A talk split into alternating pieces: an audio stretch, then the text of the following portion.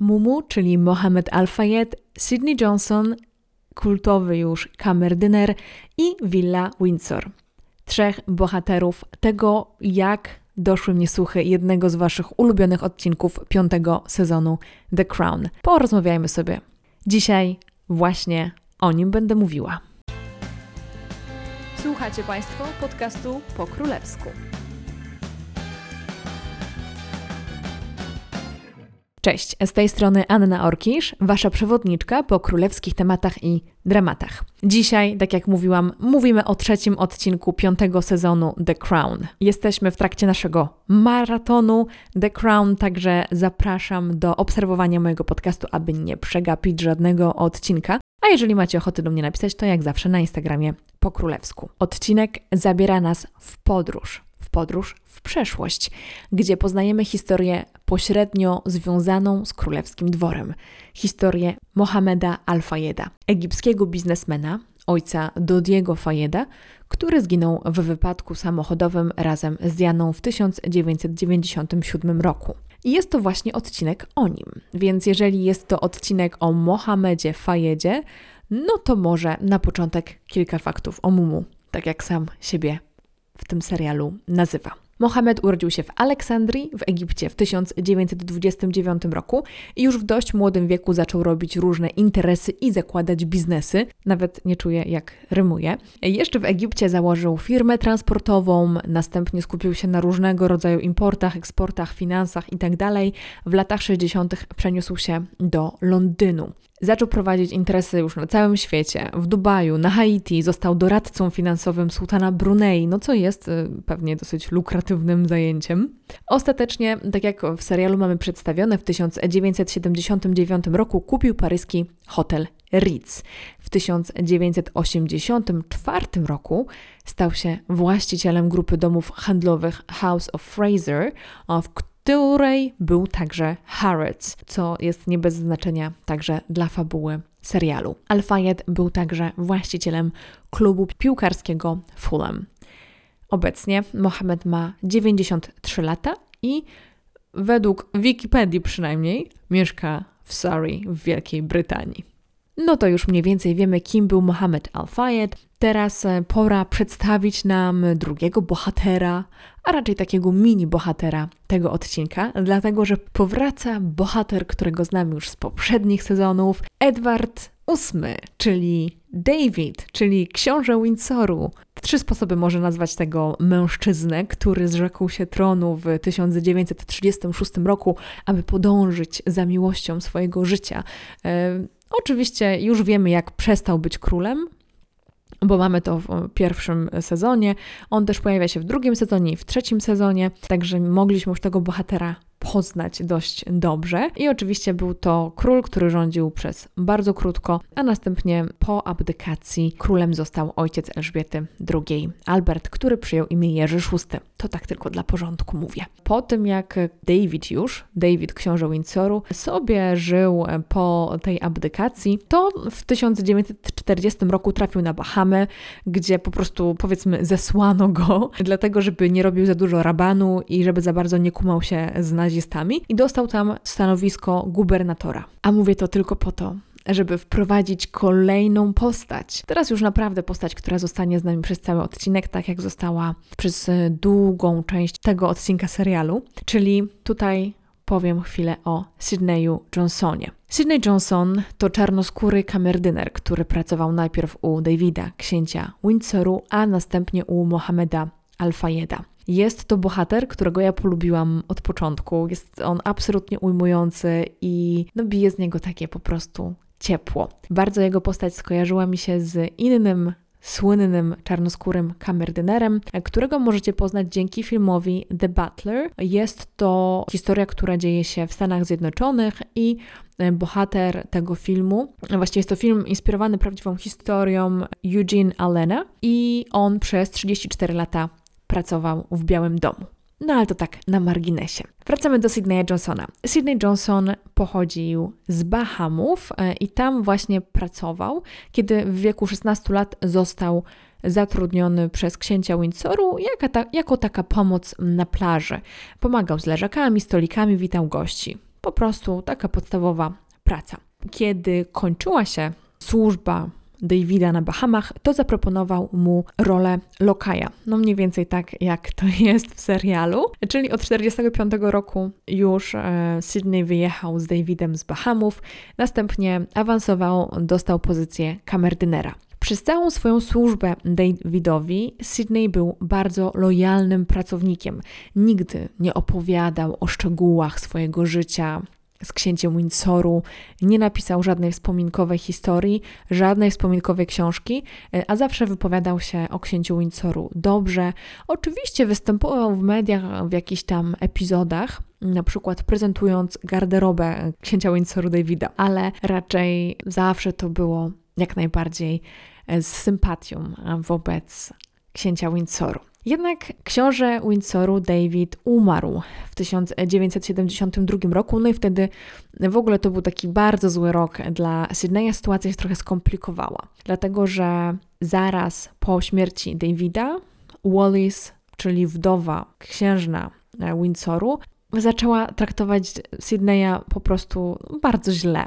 Z jednej strony czytałam taką teorię, że było to dlatego, że Sydney był związany, po prostu jego żoną była francuska, mm, a Wallis nie popierała małżeństw międzyrasowych. Żona Sydneya zresztą umiera także w 92 roku. Umiera dosyć młodo i zostawia czwórkę dzieci. Kiedy Sydney pyta, czy może mieć trochę wolnego, żeby tą czwórką dzieci się zająć, no to Wallis odmawia i go zwalnia. Druga teoria e, mówi o tym, że po śmierci Davida Wallis już nie miała tyle oszczędności, tyle funduszy i po prostu utrzymanie służby na podobnym poziomie, jak było za czasów, kiedy jej mąż żył, było niemożliwe i wówczas e, właśnie z oszczędności zwalnia Sydneya a być może w ogóle te dwie teorie są bardzo połączone i, i ma, obie są prawdziwe, a może każda z nich ma w sobie ziarnko prawdy, Sydney zostaje zwolniony.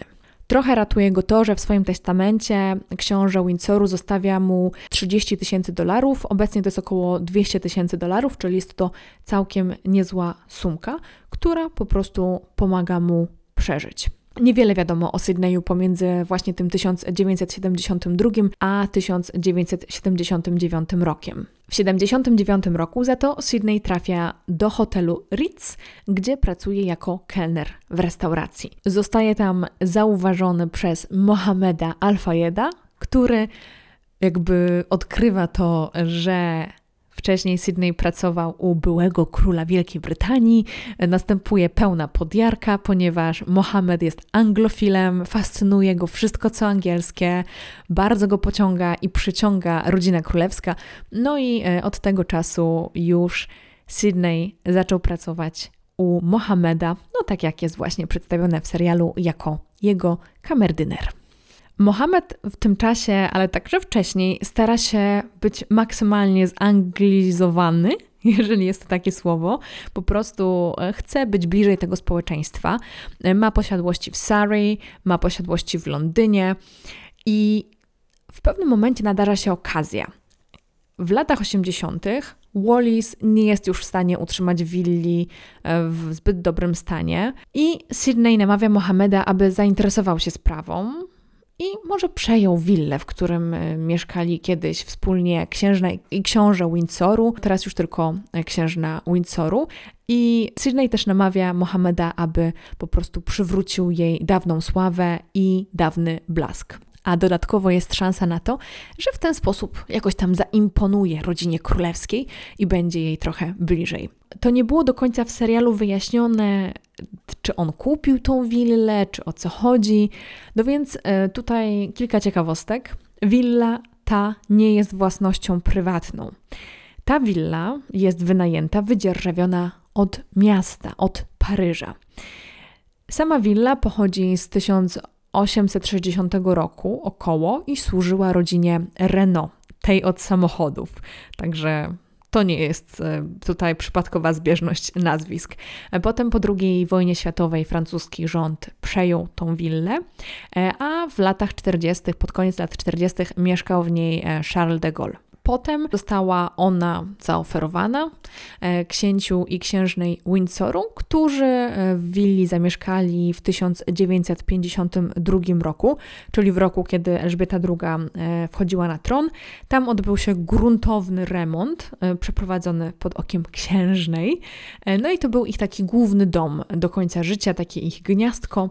Obydwoje tam zmarli. Książę, jak już mówiłam, w 1972 roku, co zresztą mamy pokazane też w The Crown, a księżna w 1986.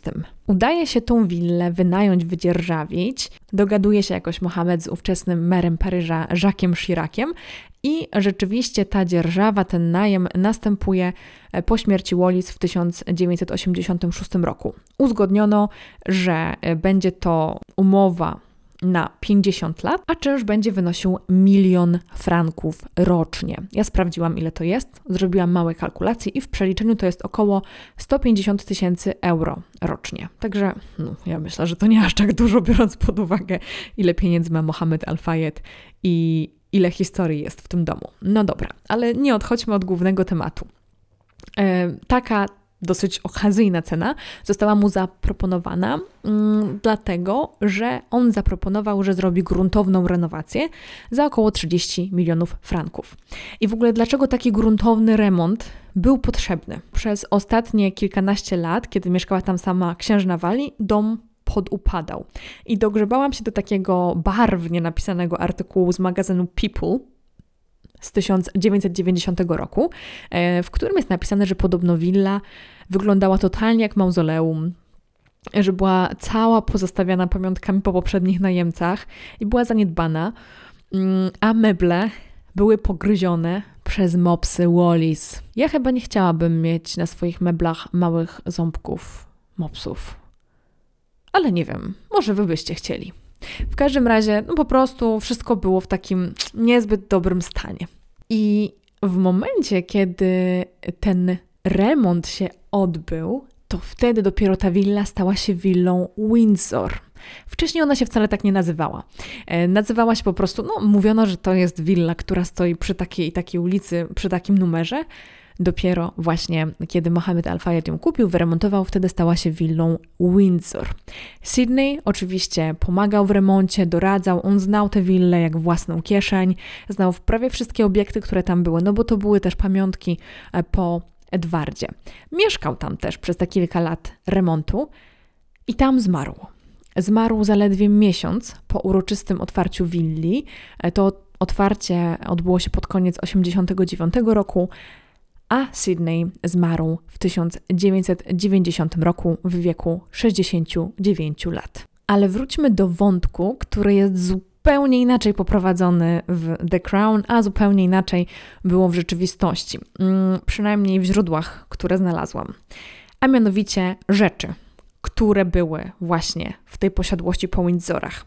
W serialu są one po prostu oddane rodzinie królewskiej. Dodi wysyła list z zaproszeniem dla królowej, w zamian przyjeżdża jej prywatny sekretarz, zgarnia co cenniejsze pamiątki po byłym królu e, i nara, tak? Jakby Dodi myślał, że tutaj przyjedzie sama królowa i e, będzie oglądała i dziękowała mu za, za takie zachowanie niesamowite, e, po prostu ocalenie od zagubienia rodzinnych pamiątek. No a powiedzmy sobie szczerze, te pamiątki raczej no, przypominają o takim smutnym i ciężkim wydarzeniu w rodzinie, więc zjawia się tylko prywatny sekretarz i tam bierze kilka rzeczy i tyle. Tyle go widziano. No w rzeczywistości e, ta sprawa wyglądała nieco inaczej, ponieważ pamiątki, większość pamiątek nie zostały e, w willi, e, ale zostały odkupione przez Mohameda za 4,5 miliona dolarów od takiego pierwotnego spadkobiercy poksiężnej, czyli Instytutu Pastera. Te pamiątki zostały wykupione i dopiero zajęto się nimi tak naprawdę w 1997 roku. One wcześniej były w willi. W lipcu 1997 roku Mohamed ogłosił, że rzeczy Windsorów zostaną wystawione na aukcji w drugiej połowie roku tak, dokładnie 97. Zresztą jest taka ciekawostka, jest to może trochę straszne, ale też dodające dramaturgii całej sytuacji, że księżna Diana odwiedziła willę Windsor w towarzystwie Dodiego dzień przed ich śmiercią, właśnie w 1997 roku. A przynajmniej tak podaje w swojej książce The Diana Chronicles Tina Brown. I właśnie z powodu tej nagłej, tragicznej śmierci Dodiego i Diany aukcja rzeczy po Windsorach została przesunięta na początek 1998 roku. Na sprzedaż wystawiono wówczas ponad 40 tysięcy elementów w 3200 pakietach. Zysk ze sprzedaży z tych licytacji został przeznaczony na fundację, e, fundację no, pod patronatem właśnie Mohameda Al-Fayeda. Wśród licytowanych wtedy rzeczy były m.in. biurko abdykacyjne Edwarda VIII, kolekcja fotografii czy lalka, którą David dostał od swojej matki. I nie jest to oficjalna wiadomość, jest to tylko przypuszczenie, ale mówi się, że najprawdopodobniej wszystkie pamiątki zostały zakupione przez rodzinę królewską, ale anonimowo. I powiem szczerze, nie ma się co dziwić, no bo windsorskie archiwa upchną wszystko. Nie no, tak naprawdę chodzi o to, że w tych dokumentach, zdjęciach czy pamiątkach nie wiadomo, co mogłoby się znaleźć. A wiadomo, że każda kolejna bomba wizerunkowa dla rodziny, dla tej rodziny, to jest naprawdę ogromny problem. Ja lubię biograficzne historie, więc historia wzrostu i życia Mohameda Al-Fayeda no, mnie totalnie wciągnęła. To jest historia dojścia na szczyt kogoś, e, kogo nie niosły jedynie ambicje posiadania i gromadzenia dóbr i władzy, ale także wejścia w te elitarne kręgi. I dzięki temu parciu Mahomeda na szczyt, jego pewnej fiksacji na temat rodziny królewskiej, która była dla niego takim symbolem tego, co najznakomitsze, obserwujemy rodzinę królewską poniekąd z zewnątrz. Jest to taka dosyć unikatowa perspektywa jak na ten serial, jak na The Crown. Zwykle jesteśmy jako widzowie tacy wrzuceni w wir rodzinnych zawirowań i dramatów albo kryzysów rangi państwowej. Nie tym razem. Tym razem widzimy rodzinę z zewnątrz, z punktu widzenia kogoś, kto się chce w jej kręgi dostać niechęć rodziny królewskiej i ogólnie takich kręgów arystokracyjnych do, no, do nowobogackich jest ewidentna. Tutaj mamy ten konflikt old money, new money. Dodi tutaj w serialu znajduje wspólny język z Dianą. Jest to fikcyjne spotkanie, gdyby ktoś się zastanawiał, ponieważ e, to tak nie wyglądało prawdopodobnie ich pierwsze spotkanie. Mogło się na przykład takie spotkanie wydarzyć podczas meczu polo w którym grał książę Karol w 1987 roku. Z tego wydarzenia mamy zdjęcia tej dwójki, więc wtedy mogło się wydarzyć, ale nikt tak naprawdę nie wie, kiedy oni się pierwszy raz spotkali. Postać Alfajeda po tym odcinku można zdecydowanie lubić, ale twórcy nie zdecydowali się na odniesienie do kontrowersji i zarzutów wobec biznesmena. Oprócz spraw biznesowych, najważniejsze są oskarżenia pracownic Harroca o molestowanie seksualne przez Mohameda. Jest tych pracownic wiele, które wysnuły takie oskarżenia. Co prawda ta sprawa wyszła na jaw w późniejszych latach, nie w latach 80. czy początku lat 90., um, to co widzimy w tym serialu, ale póki co zachowuje nam się po tym odcinku w głowach taki obraz dobrego wujka. No i teraz pytanie, czy twórcy serialu specjalnie pominęli te bardziej kontrowersyjne, takie mniej glamour wątki z życia Mohameda? No tego się raczej nie dowiemy. Dziękuję Wam bardzo za wysłuchanie kolejnego odcinka o piątym sezonie The Crown. Przed nami jeszcze kilka spotkań z serialem. Jeżeli podobał Wam się ten odcinek, to możecie mi postawić kawę jednorazowo, niezobowiązująco. Link jest w opisie. Zaobserwujcie podcast, aby nie przegapić kolejnego odcinka już jutro. Tymczasem do usłyszenia. Pa pa!